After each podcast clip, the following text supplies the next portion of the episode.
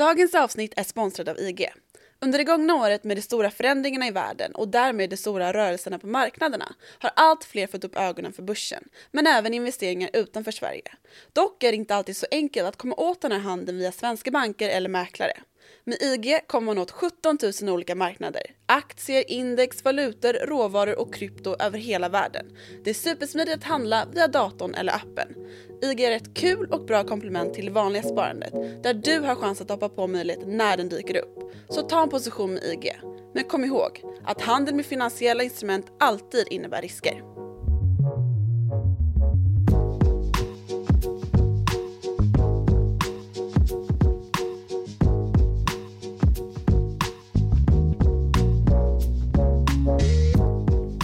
Samtidigt som prisuppgången i kryptovalutor började tackla av här under våren 2021 började en ny våg av intresse för de så kallade meme-aktierna GameStop och AMC Entertainment att frodas igen. Och samtidigt som hedgefondmäklarna ånyo fick slita sitt eventuellt kvarvarande hår så firade Reddit-investerarna revansch och slipade nya knivar för att hämnas på Wall Street. Sist slutade det, eh, åtminstone temporärt, i tårar för samma Wall Street Bets och superstonks-apor, men fanns det nu skäl att tro på att nästa vända skulle sluta annorlunda. Det här är Follow the Money, en podcast om makt, storfinans och börsen av och med mig Martin Nilsson och utrikesredaktören Joakim Rönning. Idag ska vi avhandla rond 2 i internet mot världsfinansen. Är du taggad? Ja. Vilken är din favoritapa? Uh, ja, det är inte de här Reddit-aporna, det är nog apan Ola tror jag. Apan Ola, vad är det för... okay. Ja, det är en bra inledning på den Vi här. är jämngamla också, jag och apan Ola. Ja, men, kul! Ja. Är det där vi ska starta det här avsnittet Ja, det tycker jag. Mm. För det här är ju då apor vi pratar om. Uh, det är ju självutnämnda apor. Så om någon undrar varför vi pratar om apor så är det ju för att man då på Reddit, det här på påtalade forumet, kallar sig för Apes. Just Fellow Apes adresserar man uh, sina åhörare med och sådär. Och det här är ju jobbigt för eh, gammelmedia som ska försöka täcka det här forumet för att det är ju en hög, eh, en stor, stor hög salt som man eh, får ta för att förstå den ironin som råder på Reddit ju. Ja, det är ju kul. Kristoffer De var väl här i studion och pratade om att det hela är ett konstprojekt Ja. nästan. Och det har han ju rätt i. Att det blir ju som det ultimata postmoderna moderna, eh, konstprojektet när börsen blir ett sådant, kan man väl tycka kanske. Det är ju väldigt roligt när den här kulturen gifter sig med eh, den, den dammigaste typen av kulturen som ju är Men finansbranschen. det är ju det att det är ju inget, det är ju inget det är ju inget lyckligt bröllop ens. Nej. Prästen säger ju fel namn liksom.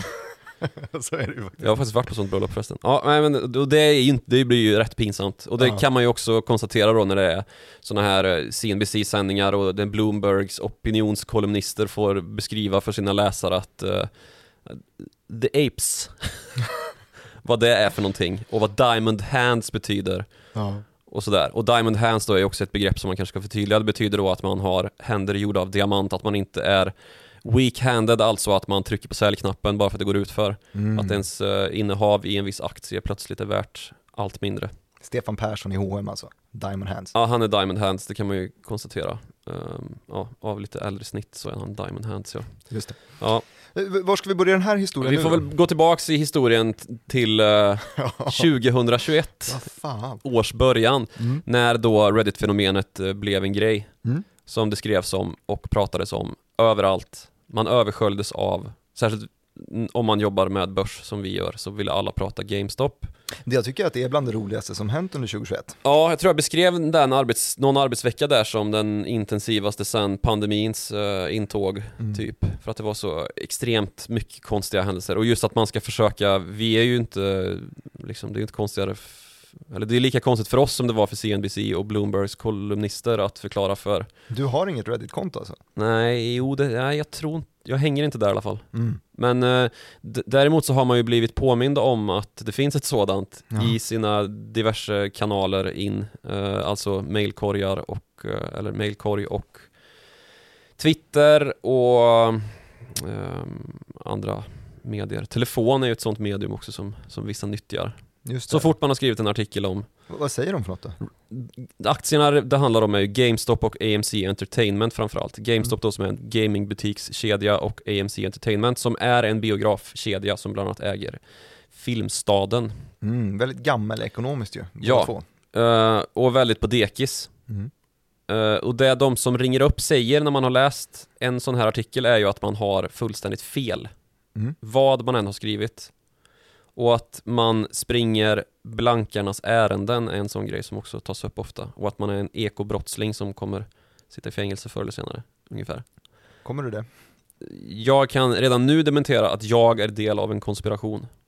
Okej. Jag är inte avlönad av Citadel. Det är precis vad någon som skulle vara avlönad av Citadel skulle säga. Ja, det är det. Sug på den.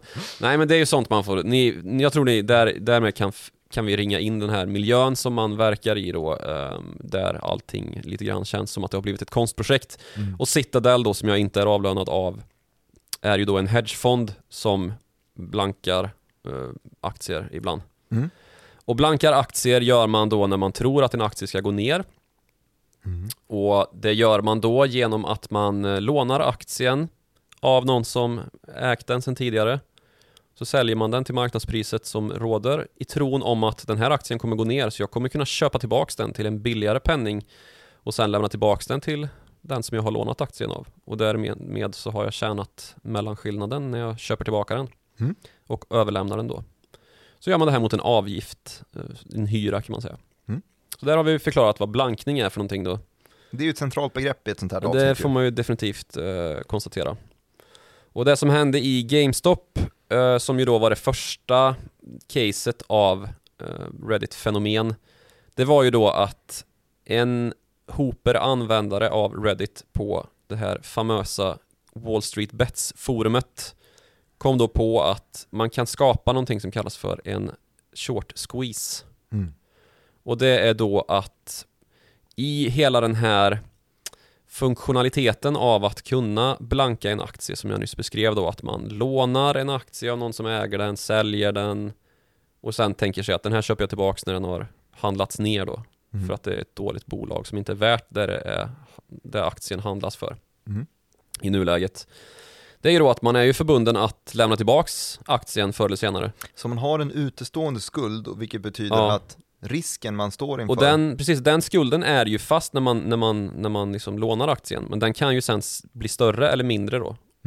Och den, det är väl nyckelbegreppet här är väl just att skulden kan bli hur stor som Ja, helst precis. eftersom att priset kan ju sticka iväg uppåt. Det finns ju inget tak, det finns ju Precis. ett botten alltid. Ja. Men ett tak finns det inte. Och då måste man sätta ett annat tak och det är ju då det här taket eh, i kreditvärdigheten. Eh, Som kan göra att man, nu hijackar jag din Varsågod och hijacka på. Nej men det kan ju leda till en så kallad margin call då. Mm. Eh, för det är, det är ju ett lån och har man inte tillräckligt med pengar för att kunna täcka då när aktiekursen sticker iväg uppåt istället för att den sticker iväg neråt som man har tänkt sig så blir ju som sagt nersidan, det blir ju inverterat det här så när aktien sticker iväg uppåt så blir ju din skuld större, alltså du blir skyldig mer då måste du ha mer för att kunna täcka upp också. Mm. Och till slut då om aktien har stuckit iväg så pass mycket att du inte har tillräckligt med pengar för att täcka upp den här förlusten då kommer banken eller motparten då, för det är ofta att bank man lånar sådana här aktier från att blanka med då. Mm. Så kommer de påkalla så kallat margin call då. Och ett margin call består då i att, att, uh, att tvångsinlösen är väl ett bra, en bra översättning. Mm. Att banken säger app, app, app, nu tar vi eh, kontrollen här och säljer av din aktie som du har lånat. Nej, Nej, Eh, tar, tar Precis. pengarna som du har ja och precis. Och, tvångsköper och- en aktie. Precis, och, och då blir ju eh, reaktionen ytterligare positiv då. Eftersom att det köps tillbaks en aktie då i Just det. marknaden. Och det är oavsett marknadspris, man bara köper eh, så fort det bara går. Eh, vilket då trycker upp kursen. Exakt. Och det blir ju lätt då en dominoeffekt i hela det här spelet. För att när man då tvångsköper första aktien, då kanske aktiekursen stiger upp ytterligare ett litet procent, varpå nästa person Ja. blir tvångsinlösen och så vidare. Och det här så såg vi ju hända i realtid då här under vintern. Det var ju januari när det här var som, som hetast, januari, februari där. Och bland annat då en hedgefond som heter Melvin Capital var ju nära att gå omkull på grund av att man hade blankat för hårt då i, i Mm. GameStop.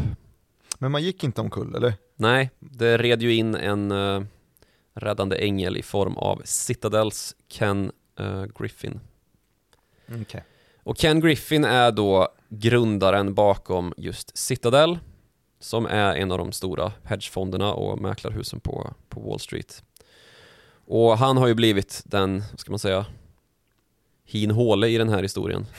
Mm. Uh, djävulen själv liksom att uh, det är han som styr och det gör han då genom att, ska man säga, manipulera marknaderna på det här sättet. Mm. Att uh, gå kort är ju någonting som av i princip alla aktieägare anses vara ett jävla otyg när det gäller ens egna aktier. Ja, jo, det, det är Och det är ganska rimligt då eftersom att om många av de här eh, blankande hedgefonderna eller till och med blankar specialister som det ju finns eh, specifikt då som vi har pratat om tidigare i flera fall. Muddy Waters är ju en sån känd som då inte bara blankar aktier eh, enbart utan också skickar ut en hel del analyser på blankningscase ehm, och liksom varnar för aktier i, i princip. Det är inget kul att få ut en sån nyhet om man själv sitter och äger aktier. Det kan vara riktigt segt. då, då faller den ju. Det ja, såg vi ju. det leder ju ofta till att aktier eh, Muddy Waters var väl i, det är ofta i stora svenska, Intrum senast kanske. Ja, det var Telia, Ja, länge sedan. det är ganska sällan vi har såna här grejer på, på svensk börs ju. Mm. Men det, det har ju hänt i vissa fall och Telia och Intrum är väl de mest kända sentida Mm. blankningscasen. Men det här är ju rörigt. Bara min förklaring här är ju halt och lytt. Eh, Jo men det är det oftast när du förklarar saker. Ja, Men, eh, men extra mycket nu kanske. kanske, kanske. Eller så Eh. är det bara du som inte förstår någonting. Oftast så är det just precis så. Eh, någonting som jag inte förstår, det är ju att det här, om man har haft en liten koll på aktieägarna i respektive aktier, nu har vi snackat GameStop och AMC, då har Sen i januari så har ju alltid GameStop varit den ledande, det har varit den första. Och sen så spreds det en jäkla massa grenar från det här. Eh, Vi såg till exempel att, eh, det var väl ungefär här Dogecoin fick lite fart, det var här Nokia fick lite fart som var en sån här, också skulle vara en, en ganska hårt blankad aktie, inte alls i samma utsträckning som Och GameStop. mycket större, ja precis. Eh, och sen, ja, mycket större bolag, det är också en, en viktig parameter i Mm. det här också. Eh, och sen så då AMC Entertainment. Nu är det ju tydligt att det är, det är AMC Entertainment som det handlar om. Mm. Eh, GameStop har hamnat i, i baksätet lite grann. Japp. Färre aktieägare om man kollar Avanza, många fler som äger AMC. Och också aktiekursen. Aktiekursen i GameStop under piken där i januari, eh, det är fortfarande den högsta punkten som den har nått. Mm. Medan AMC, de är på ATH just nu, i alla fall i närtid. Jag vet inte hur det ser ut för Ja, tio år bak. mm. Liksom. Eh, Men, Nej, den, den är på typ 4-5 års högsta. okej. Eh, men det är där det händer väldigt mycket grejer nu helt enkelt, som man hoppas kunna provocera fram en, en, Mm. rejäl, en rejäl squeeze. Eh, Den här infrastrukturen av människor bakom eh, vi har snackat om, om eh, Griffin i Citadel, vi har snackat om eh, är det fortfarande Keith Gill som, eh, som var huvudpersonen bakom eh, GameStop blankningsgrejen som är i centrum fortfarande? Nej, han är ju just GameStop. Ehm, Keith Gill då som även går under namn som Roaring Kitty och Deep Fucking Value Svor du i på podden? Ja. olika, på olika sociala medier. Mm. Eh, och som satt med i den här hårt uppmärksammade kongressutfrågningen där även Vlad uh, Tenev som är VD på Robinhood satt med Mm. och ja, lite olika funktioner då. Hela näringskedjan av bedragare. För det måste man ju konstatera att någon, någon här är ju en bedragare. Ja, sen är det bara att få se, historien får utvisa vem det var, om Ja, det var eh, precis. Citadel eller om det var eh, Ja. Keith Gill. Och sen så kanske man inte ska vara, ska vara så hård som att kalla det för bedragare. För, för det är ju kanske så att man agerar, alltså bedragare, då tänker jag att i det ordet så inkluderar ju att man har onda uppsåt. Nu- det tycker, håller inte du med om? Nej, jag, stod, jag stod och vickade lite här. Ja, men nej, men man kanske kan vara en, en ja, dum bara. Ja. Eh, ja, utan att ha onda uppsåt. Men man kan ju helt enkelt ha olika eh, verklighetsbilder på något sätt. Ja, precis. Det, ja, ja, just det. Jag tror, jag tror ändå vi, vi är överens om Om att det är någonting som tycks. Ja, men man, att jag menar att man kan, man kan ju bara ha fått om bakfoten liksom. Mm. Keith Gill har ju gått in i det här med, eller ännu längre tillbaks i näringskedjan om man ska ta hela vägen ner till bolagsnivå så är det ju eh, Ryan Cohen som, som har legat bakom att den här Var här kraftiga husdjurs- uppvärderingen kom till i alla fall. Ja, e-handels- Chewy.com, han är ju då en e-handels ja, magnat, man ska säga. Mm. Han blev, blev miljardär på, på husdjur, kan man säga, Hus, husdjur online Mm. och eh, är en mycket stor privatinvesterare i USA. Eh, jag tror att han är den största privatinvesteraren i Apple till exempel. Så han är ju Mhm. oerhört förmögen. Han då bestämde sig för att, eh, nej men GameStop, det är ett, en, eh, vad ska man säga, sorgsam historia som jag tror att vi kan vända på med hjälp av då e-handel. Och GameStop ska man ju, det, det känner ju vi som bor i storstäder till för att vi går förbi sådana butiker. Det finns nog säkert ute i landet lite här och där också. Ursäkta Stockholmscentreringen men det är ju en, en butikskedja som har haft det oerhört tufft eh, och som fick det ännu tuffare under pandemin. Den beryktade retail-döden. Ja, det allra tydligaste exemplet på det kanske. Och spel är ju en sån sak som verkligen har flyttat online ju.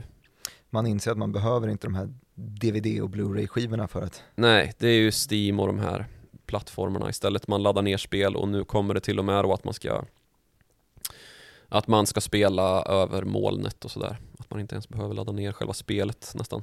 just det, 5G och sånt där. Ja, coolt. Och um, det gör, det ju, gör ju tillvaron rätt tuff för, för uh, GameStop då. Och då är det ju någonting som många av de uh, som hör av sig till mig och presenterar sina case hänvisar ju till att Ryan Cohen ska make his magic med det här. Han ska skapa GameStop Amazon. Han ska, ja precis, han ska omstöpa Ga- GameStop till något nytt liksom. Mm. Där, när han kom in så, jag tror Keith Gill redan hade skrivit sin första analys på GameStop på att det här kommer ju bli bra. Eh, och så fick han ju draghjälp då, Ryan Cohen.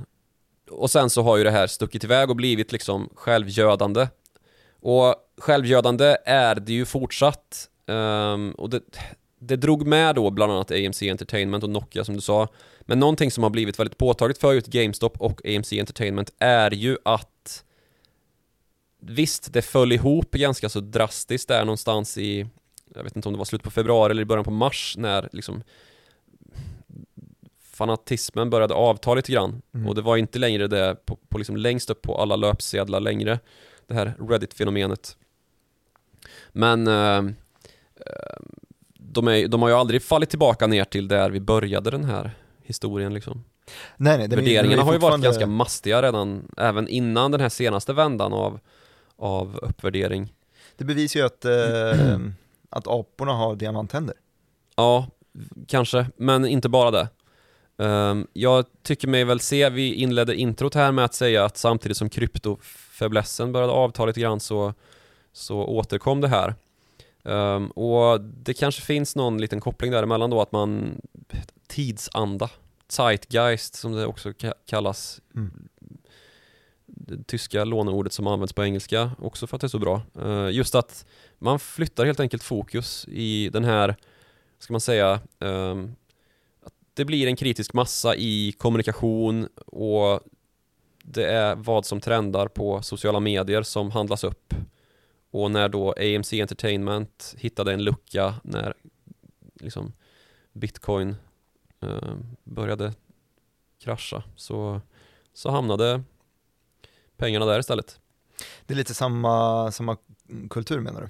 Ja, det är det ju, måste man väl kunna konstatera va? Ja, det kan jag väl faktiskt hålla med om. Sen så är väl eh, kanske AMC och GameStop och Reddit-aporna lite ännu mer Det, det är ju nördigare. Ja, det, ja precis, och det är lite mer fuck it mentalitet än i krypto ändå We like this talk. Ja, men sen så är ju ho- HODL, H- H-O-D-L Ett felstavat hold. Ja, precis. Någon hetsig analys som skrevs av någon på typ någon digital anslagstavla någonstans eh, och tryckte ut så snabbt att han inte hann korrigera hold när då bitcoin-marknaden rasade samman och att hans budskap då var bara om alla bara behåller och inte säljer så är det lugnt på lång sikt. Men det verkar ju ha funkat. Ja, Än så länge. Men en, en, en, på, en påtaglig eh, nämnare i det här med att AMC och GameStop då inte har handlats ner i bott igen är ju faktiskt ehm, oavsett om man tycker att själva fenomenet Reddit är dumt eller inte, att det är ett konstprojekt som har gått för långt eller inte, så är det ju faktiskt så att man bara kan konstatera att dumma pengar har en väldigt påtaglig ehm, roll att spela i detta. Ja, det är ju inte någon som holdar aktien just nu som faktiskt tror att de kommer kunna tjäna tillbaks pengarna och motivera den här värderingen. Eller väldigt få antar jag. Ja, Utan det är ju snarare att man håller pengarna just för att man ska eh, ge den till Griffin då. Ja, fast jag vet inte om man kan säga så heller, för det är ju oerhört mycket passiva investerare som är inne i det här nu. Och med passiva investerare så menar jag ju fondinvesterare. Inte ett ont anade fondinvesterare. Mm. För de här aktierna har ju värderats upp så pass mycket då att, att börsvärdena har hamnat på en sån nivå att man har en ganska tung viktning i indexfonder som till exempel då investerar i amerikanska småbolag. Mm. Det man investerar i då i praktiken är i ett index som heter Russell 2000 som är då ehm, ett index bestående av 2000 bolag som anses vara småbolag liksom, eh, Mm. i, den, ja, i den storleksordningen. Och där har alltså både AMC och GameStop nu blivit topp 10.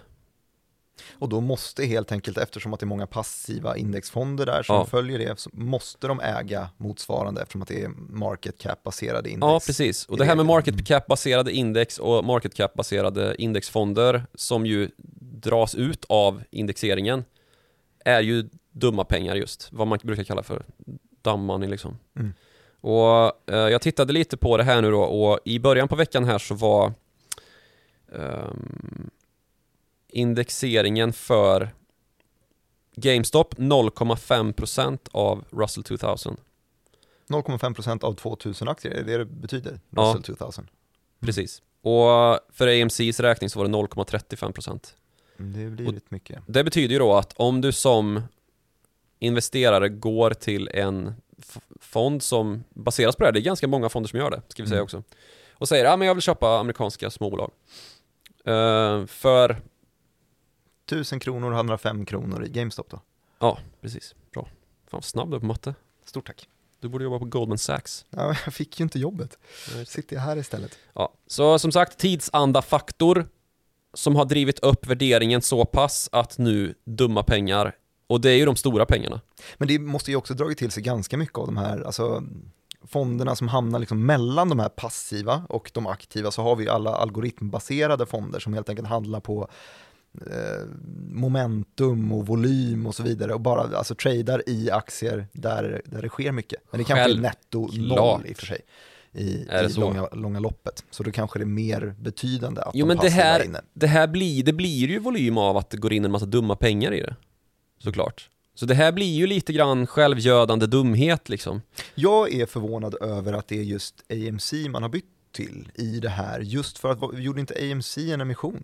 Jo. Det måste ju ha varit eh, precis i eh, blankarnas händer. Ja, jag tänkte säga att en av de andra, när vi skulle komma in på det här, för det visste jag att vi skulle göra, ehm, att en liknande grej som man, eh, nu höll jag på att säga, ska akta sig för att skriva om, är ju Norwegian. Mm, den är tuff. Ja, det är tufft. Och jag menar inte att man ska akta sig för att skriva om det av andra skäl än att det blir mycket jobb med att besvara samtal och um, försöka liksom reda ut för folk vad, vad, det, vad det här handlar om egentligen. För Norwegian då, flygbolaget som ju har varit nära att gå omkull under pandemin här och hade gått omkull om inte statliga aktörer hade kommit in och framförallt att bolaget lyckades då övertala sina borgenärer och leverantörer om att konvertera skulder till aktier. För vad händer när man konverterar skulder till aktier? Det blir en utspädning för de tidigare ägarna som heter duga på grund av då att aktierna blir ju exponentiellt fler i boken då som kan handlas över börsen. Mm. Och dessa aktier ägs ju av aktörer som inte har för avsikt att just äga aktier i Norwegian. Det här är ju liksom flyglease, alltså flygplansleasingbolag och sånt här.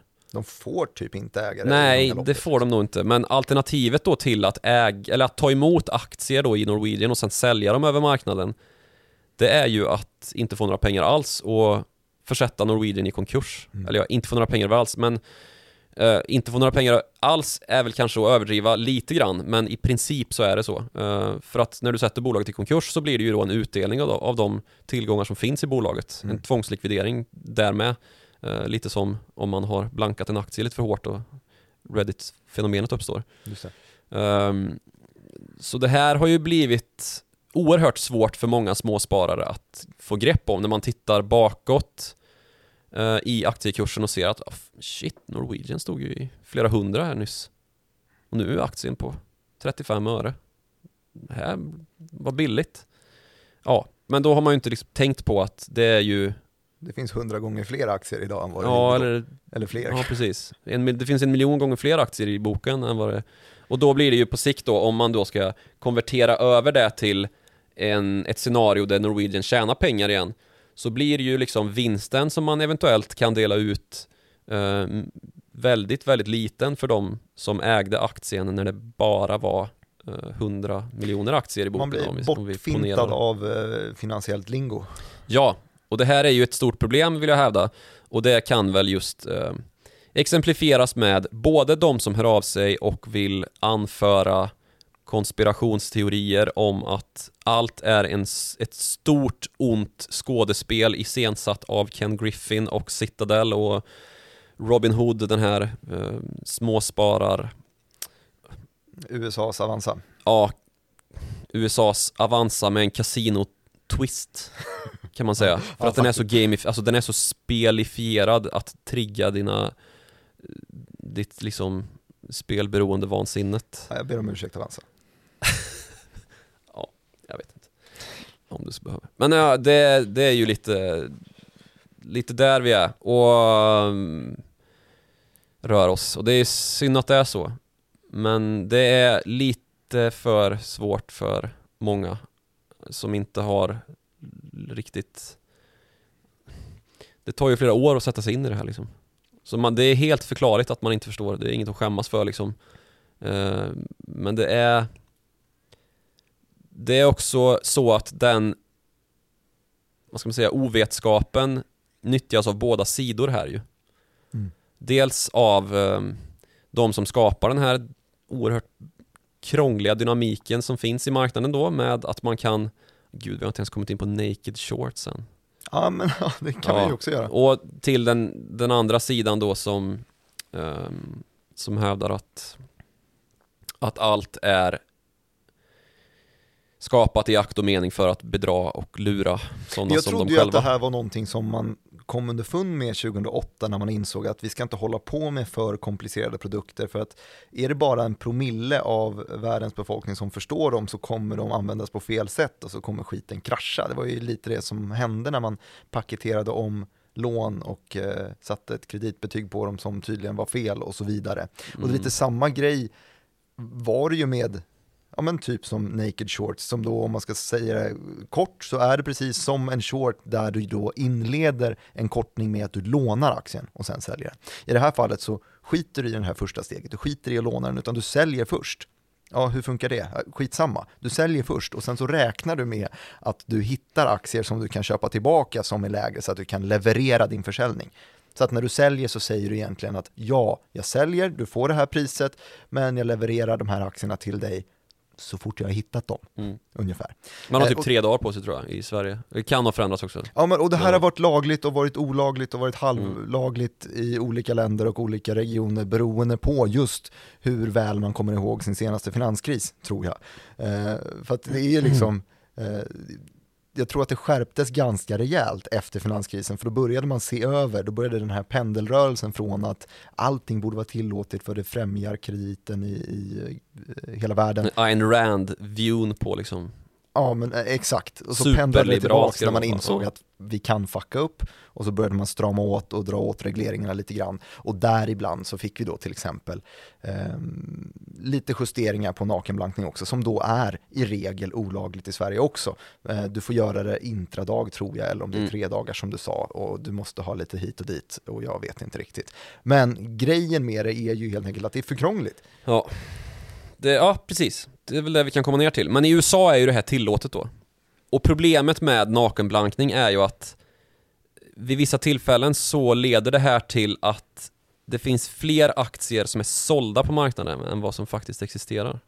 Det här bäddar ju för en fantastisk squeeze här nu då. Ja, precis. Och alltså det blir en, det blir en utspädningseffekt som, som kan störa ut marknadens eh, naturliga prissättningsmekanism liksom. Mm, den här klassiska effektiva marknadshypotesen Ja. som ju funkar. Precis, som då de här indexfonderna som vi pratade om med dumb people's money. Vadå, Eh. Nobelpris stödjer ju deras... Ja, och så finns det Nobelpris som stödjer deras motsats också liksom. Så det är det är ett gitter av krångligheter här ju. Mm.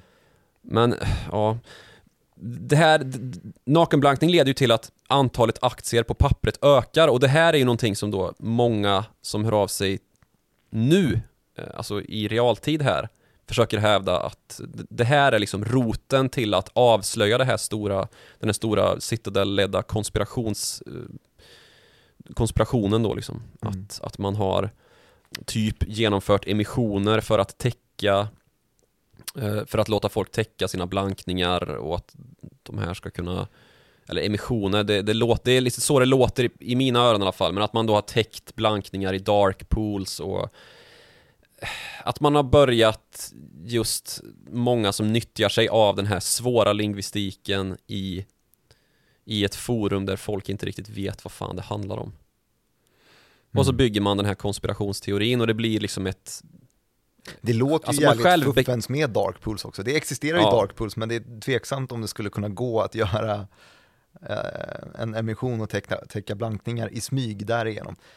Det vet inte fan hur det skulle funka. Nej, jag har inte heller fått ihop det och menar, ja visst, Darkpools låter hemskt men jag tycker det är ganska, ja, det, det finns en risk att det blir pro- problematiskt Men det finns ju, mig veterligen inte särskilt många fall där det har liksom påvisats att det här har pågått i stor skala och att man har aktivt manipulerat marknaderna på det sättet Nej, alltså, Det vi- finns fall där man har kunnat påvisa det naturligtvis, precis som det finns liksom eh, fall med spoofing och med, eh, alltså där man lägger ordrar som inte är avsedda att gå till avslut, där Mm. man har satt sånt i system. Eh, och marknadsmanipulation existerar ju naturligtvis. Men det Gud, blir lite ja. som den här diskussionen som det fördes vid amerikanska valet, eller efter amerikanska valet, att allting var en stor konspiration och att Donald Trump var den egentliga vinnaren och att Ja, men visst, pröva det men visa bevisen liksom och Man måste ju liksom kunna Ja, men absolut. Och det, folk kommer fortsätta, det kommer finnas marknadsmanipulation på, på finansbranscherna. Ja, det och vad gör det liksom? Jag är helt för det Men jag tycker det Hela den här, hur uppblåst det har blivit kring den här saken då att Att GameStop och AMC Entertainment ska vara någon sorts liksom verktyg för att slå sönder hela den konspirerande Wall Street liksom.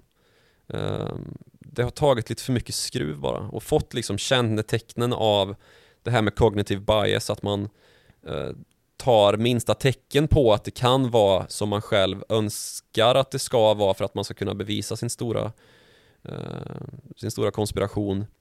Men i själva verket som ett, så... som ett bevis på att det faktiskt är så.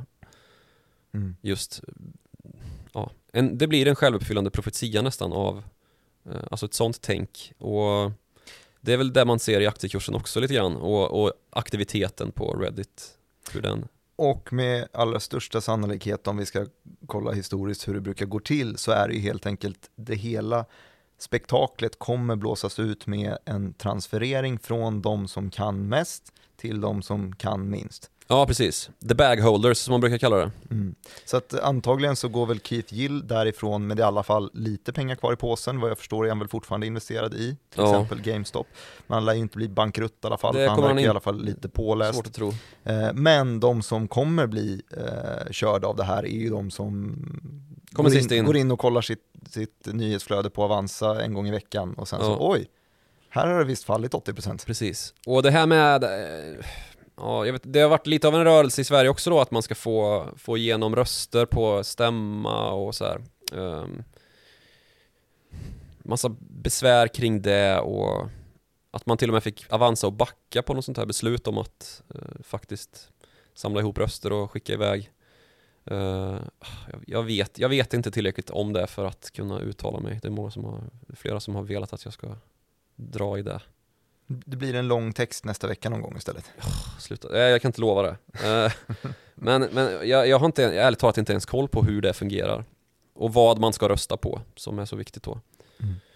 Men i, eh, i AMCs fall så ledde ju ett liknande upprop då mot styrelsen och ett förslag då på att man skulle genomföra ytterligare emissioner och alltså späda ut späda ut aktieboken ytterligare då med typ 500 miljoner nya aktier. För det här är ju fortfarande en verksamhet som det är ju knappast någon liksom reopening trade man gör när man Men lite grann reopening Ja, trade men inte 1200 Alltså det är ändå fler som går på bio nu än som går på bio för tre månader sedan. Det kan man säga. Så kan man säga. Men det är fortfarande svårt att se att det här bolaget ska börja tjäna pengar på ett sätt som de aldrig gjort tidigare.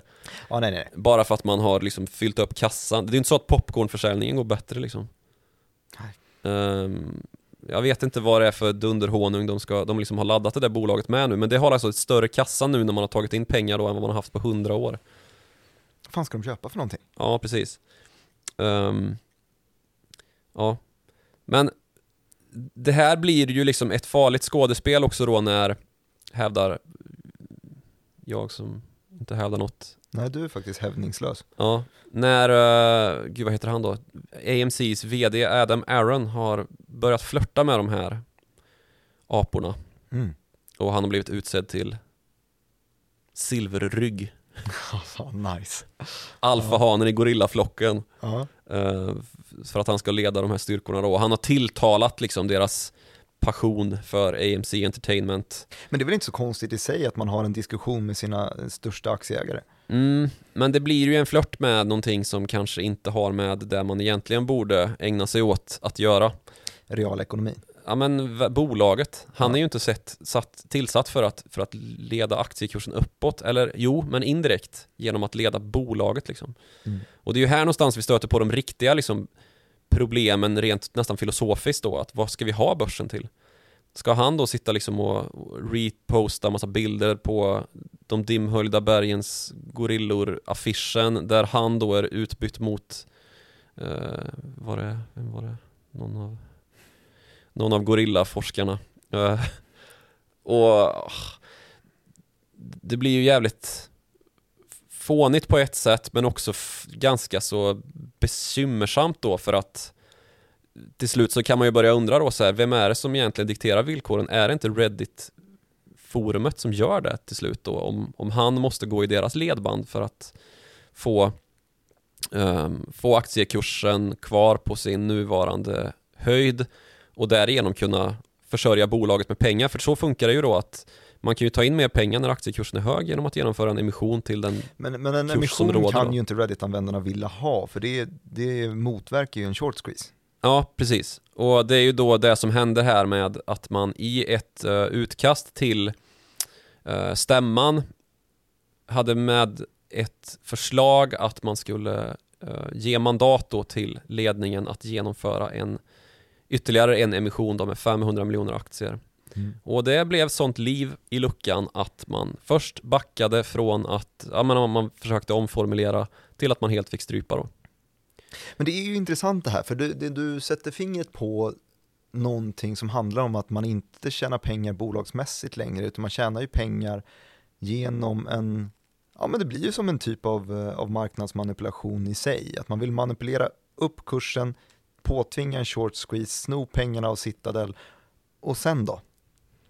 Mm. blir ju då frågan om man då är vd och kanske vill ha ett, en långsiktig plan på längre än, vad hoppas man på, en månad? Ja. Det kan man ju inte som vd försvara i alla fall, att man vill, vill ha det på det sättet. Man kan ju inte försvara att man skiter fullständigt i den faktiska eh, bolagsmodellen, där det skulle kanske vara smart, det vet jag inte, att genomföra en emission eller inte. Men man kan i alla fall inte liksom helt kryssa över alternativet emission för att genomföra en kursmanipulation för att tvinga ut en blankare. Då, då har man liksom eh, tappat fokus på vad man egentligen borde syssla med, vilket är att sälja biobiljetter och Popcorn. popcorn. Mm. Ja, precis. Och det här med att börsen förvandlas till ett liksom konstprojekt eller vad man nu vill, att ett, ett, ett fandom liksom, där fandom, vet man vad det är? Alltså där man hejar på en aktie snarare än liksom gör, gör sin analys eller vad man ska säga tror, alltså i grunden så är det ju, man köper väl en aktie i, av konventionell mening för att man tror på bolaget. Det är ju kanske inte riktigt saken här då, eller för vissa i grunden kanske det var det, men de som kommer in nu på det här, i det här stadiet så är det ju inte många som tittar på liksom Nej, men då köper man väl för att vara en del av en kulturrevolution. Ja, ja, precis. Och om då hela liksom den här kulturrevolutionen ska slå igenom och vi får det här konst, postmoderna konstprojekts, eh, konstprojektens konstprojekt. Um, vi är ju inte i närheten av det än, men det skulle ju hämma utvecklingen rätt rejält på sikt om vi skulle ha det så. Att det bara var de aktierna med störst fanskaror på Reddit som handlades upp och fick ta in pengar för att utveckla vad då liksom? Sa du checkin.com? Oj. Varsågod, take it away, checkin.com. Ja, nej men checkin.com är ju ett, ett, företag som gjorde entré på börsen, var det förra veckan kanske? Eh, täckningskurs 1550, eh, steg upp till om det var så 60 kronor eh, in, inom bara ett par dagar och man tyckte, åh jäklar vilken börsintroduktion, vad, vad hände här? Var det helt felvärderat från början om man kom överens om att kursen borde vara kring 15 kronor och det blev 60 helt plötsligt? Eh, och sen så råkade man blinka så blev kursen 80 eh, och idag så klättrade vi över 100 120? Jag vet inte. Antagligen när vi går ut i poddstudion så är det 140 kronor. Ja. Alltså en aktiekursutveckling som eh, närmar sig en, en ten-bagger nästan, alltså oh. 1000 procent. Eh, eller hur man nu ska definiera en ten-bagger, är det 900 procent kanske? Eh, det är i alla fall en extrem kursutveckling som kanske inte riktigt är motiverad till det fundamentala bolagsvärdet eh, om man skulle kunna säga så. Och vi har ju sett samma typer av ganska sjuka rusningar, men tänk på Uh, Link, också börsnotering i fredags, investmentbolag är det i medicin, olika medicinbolag. Det är Bengt Julander, miljardären ju, som, och Carl Tobiasson som driver det där. Carl Tobiasson, vd och Bengt Julander största ägare. Kommer till börsen på hamnade i det övre intervallet av vad täckningsintervallet eh, hamnade i, 67 kronor per aktie, motsvarar en substansrabatt, äh, substanspremie, alltså att man betalar mer än vad det bokförda värdet på de underliggande tillgångarna är. Man betalar 9,7 procent mer än det och de här 9,7 procenten mer än vad det bokförda värdet är då det man kan tänka sig betala eftersom att man tror så pass mycket på ledningen och man tror så pass mycket på det onoterade innehaven. För att eh, en stor del av innehaven som de har, det är liksom noterade bolag. Det är Caliditas, det är Stille, det är Arcoma, det är eh, alla, alla möjliga bolag som redan finns på börsen och man vet vad värdet är på de aktierna. Eh, 67 kronor, premien 9,7 procent. Eh, handlas till 120 spänn idag. Mm. Det är liksom eh, inte ens en vecka gått, en halv vecka har gått och vi snackar en premie nu som är, mm. nej, men mm. man hinner ju inte med och man förstår inte riktigt hur ett investmentbolag kan kan förändras så pass snabbt? Är det, finns det något fundamentalt värde? Det är inte lika illa som i fallet checkin.com, för där är det ju, snackar vi ju hundratals procent som det sticker iväg och man fattar inte riktigt varför. Det har ingenting med försäljning att göra. Det är inga nya nyheter som har kommit, den bara sticker.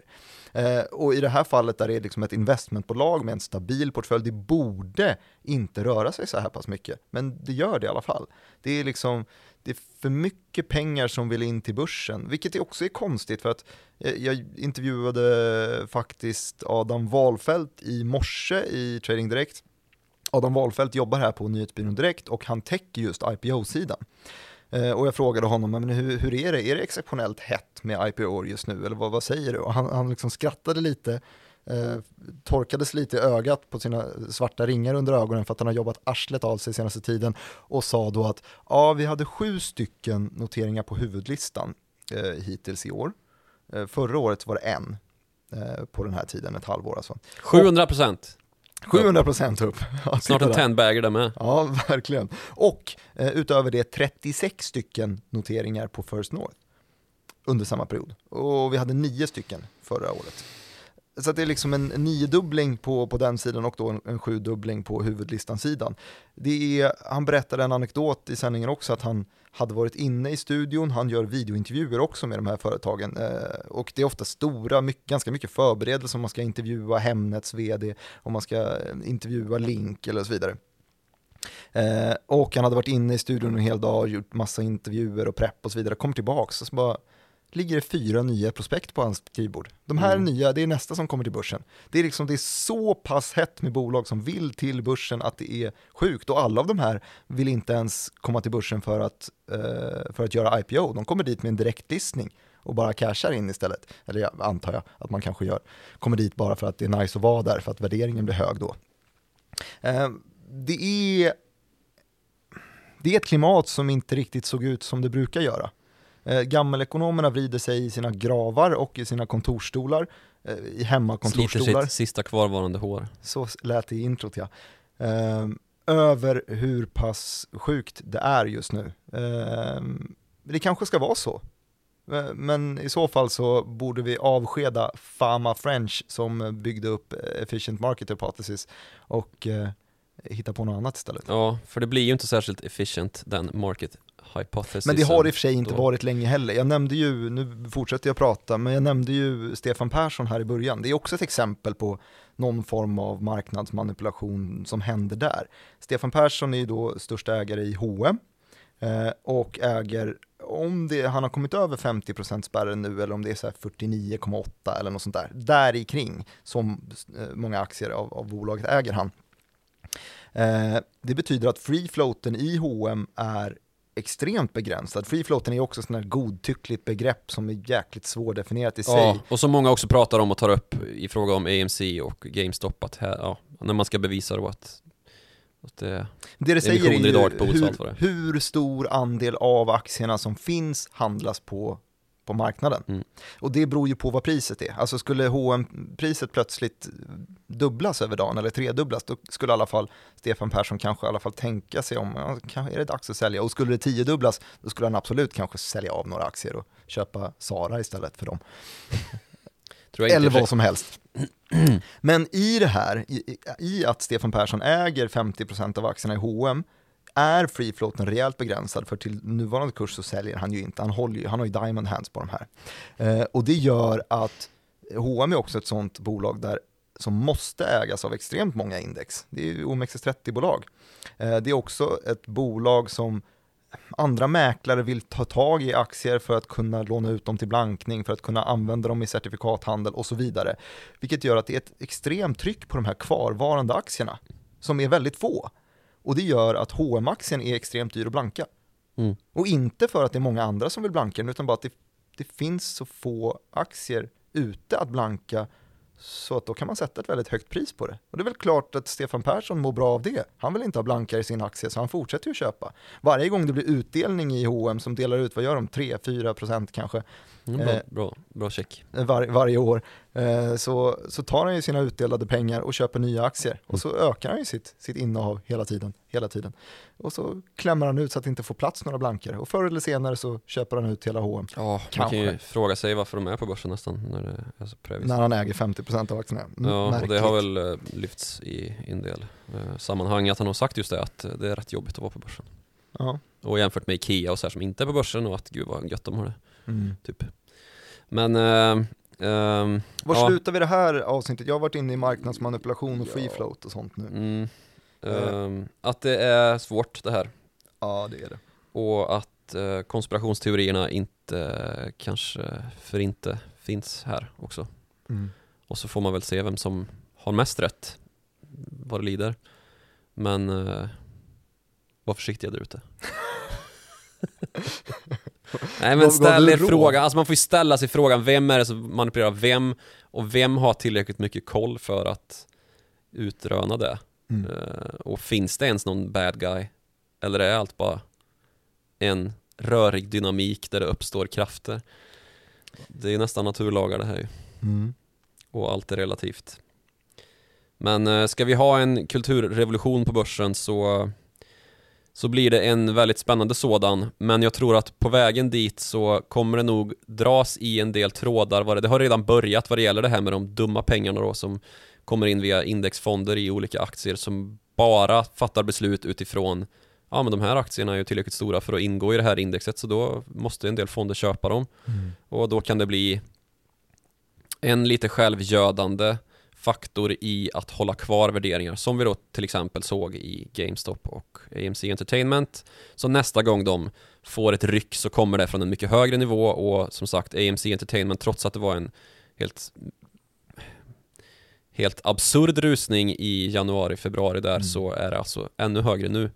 Bara den här grejen med att eh, aktiekursen skulle falla om nyheten, den skulle ju kollapsa om nyheten plötsligt gick ut att Citadel har täckt sitt, eh, sina, blank, sina kortpositioner. Ja, så är det. I vilken annan aktie som helst så skulle aktiekursen stiga på en sån nyhet. Men i Mm. det här fallet så skulle den kollapsa. Ja. Och det tyder ju på att det inte är den underliggande bolagsfunktionen som Nej, det är ju någonting. helt uppenbart för ja, det, det går ju dåligt. det går dåligt för AMC Entertainment. Trots att man nu har kassa då, så är den kassan, har man själva uppgett, inte större än att man är helt säker på att man klarar sig 2022 inte de ut. Börja... 2022 ut klarar sig bolaget. Vad fan, Det är ju helt sjukt. går de så mycket förlust? Ja, Ja. så trots att man har den högsta kassabehållningen på 100 år, Så håller man på att bli utkastad ur börsen för att man inte har finansiering.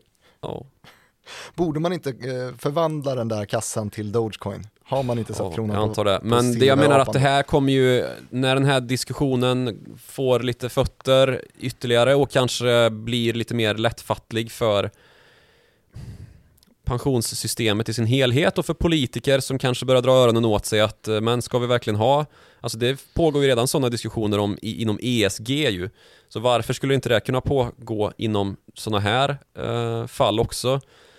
När vi när det är lätt att kanske inte se vem exakt det är som, som eh, är bedräglig mot en aktie så är det ju någon som tycks vara det i alla fall. Mm. Eh, Ska man verkligen äga sådana aktier i offentliga fondportföljer och dylikt? Eh, Sådana diskussioner, Norska oljefonden ägde mycket GameStop innan, eller hur? ja vad bra. Det var en sån, sån liten puck. Norrmän Men jag kommer ihåg att det här är bara som en liten bistickare i blankningsdebatten så var det väl, tror jag, en reglering efter finanskrisen 2008 som gjorde att man gjorde blankningar mer transparenta, i alla fall på Stockholmsbörsen, som möjliggjorde i sin tur att man kan se vilka som är hårdast blankast, Ja. blankade och kan eh, mota sådana här attacker Mm. i så fall. Ja, och det Spännande. finns, ju, det finns ju marknader där man är betydligt mer skeptiskt inställd till blankning också. Tyskland till exempel så förbjöd man ju all nakenblankning mellan 2008 och 2010. Och där har vi också sådana här fall då där ehm, blankare under lång tid har påstått att det här är fuffens. Mm. Vårat favoritexempel där är ju Wirecard. Mm. Eh, och där gick ju, gick ju tyska finansinspektionen Bafin ut med ett blankningsförbud, vilket ju också var en absurd händelse. Mm. Eftersom att man mycket väl kan hävda att blankning är ju en sund del av marknaden, för den enda chansen för en blankare att göra sig pengar är att ha rätt. Eller tillräckligt stort inflytande. Precis. Och det är klart att den andra, ditt, ditt lilla, din lilla bisats där, det är ju det vi måste komma bort ifrån. Att, man, att det finns krafter som manipulerar marknaderna. Och därför menar jag, men bevisa det då. Mm. Det är ju det som är hela grejen med det här. Jag tycker att det här har blivit ett emotionellt avsnitt som började med Är du ledsen? ett Reddit-fenomen. ja, det är jag. Eh, Jag är ledsen för börsens skull. Hur mycket GameStop har du? Inte tillräckligt. Ehm, vi, vi inledde ju det här avsnittet, för visst är vi redo att wrappa ihop Ja, det jag känner mig klar. perfekt med eh, Reddit-fenomenet memestonk, så att vi har fått en ny vår där efter att eh, pengar då kanske har gått från krypto, där, där det har fallit tillbaka lite senaste dagarna, senaste veckorna. Och så har vi sett i samband med att de har fallit ner så ungefär då startade en, en uppvärdering i GameStop. Tidsandan. AMC. Tidsandan. Hitta faktor tidsanda. Ja, Den är svår. den är svår. Eh, Men vi har rabblat namn, Ryan Cohen, Keith Gill, Vlad Tenev, Mr Griffin, som jag inte kommer ihåg förnamnet på, men som är Citadel. Ken. Ken heter han. Eh, och vi har pratat om blankar av skyn, vi har pratat lite grann, jag har gett en förklaring till vad naked shorts är till exempel. Vi har snackat mycket, du förklarade short squeeze, det gjorde vi lite grann tillsammans. Eh, och så kom vi då till, till free float, till lite dark pools var vi inne och vände i marknadsmanipulation i stort eh, och konspirationsteorier och den hela kritiska massan som driver kulturrevolutionen på börsen Vi försökte veva ihop det här med den effektiva marknadshypotesen som ju de flesta vet inte riktigt stämmer. Men eh, den måste i alla fall uppdateras för nu stämmer den mindre än någonsin. Har vi ens förklarat effektiva marknadshypotesen? Nej, det har vi nog inte gjort. Nej, inte. Man kan googla. Man kan googla effektiva marknadshypotesen. Eh, och man kan också, när man ändå är på internet, så kan man passa på att öppna sin kanske Gmail och skriva in ett mail till followthemoney.direkt.se. Skriv hej i ämnesraden och tack för ett fint avsnitt i eh, texten sen, brödtexten. Eh, och skicka det till oss. Ordkonstnär du är. Ja, tack så mycket. Du som Som gjord för podd. postmodernt konstprojekt hela du. Mm. Han som sätter spydiga kommentarer heter Joakim Ronning på Twitter, skriver gärna till honom och jag heter ju snabel direkt Martin. Vi hörs igen om en vecka.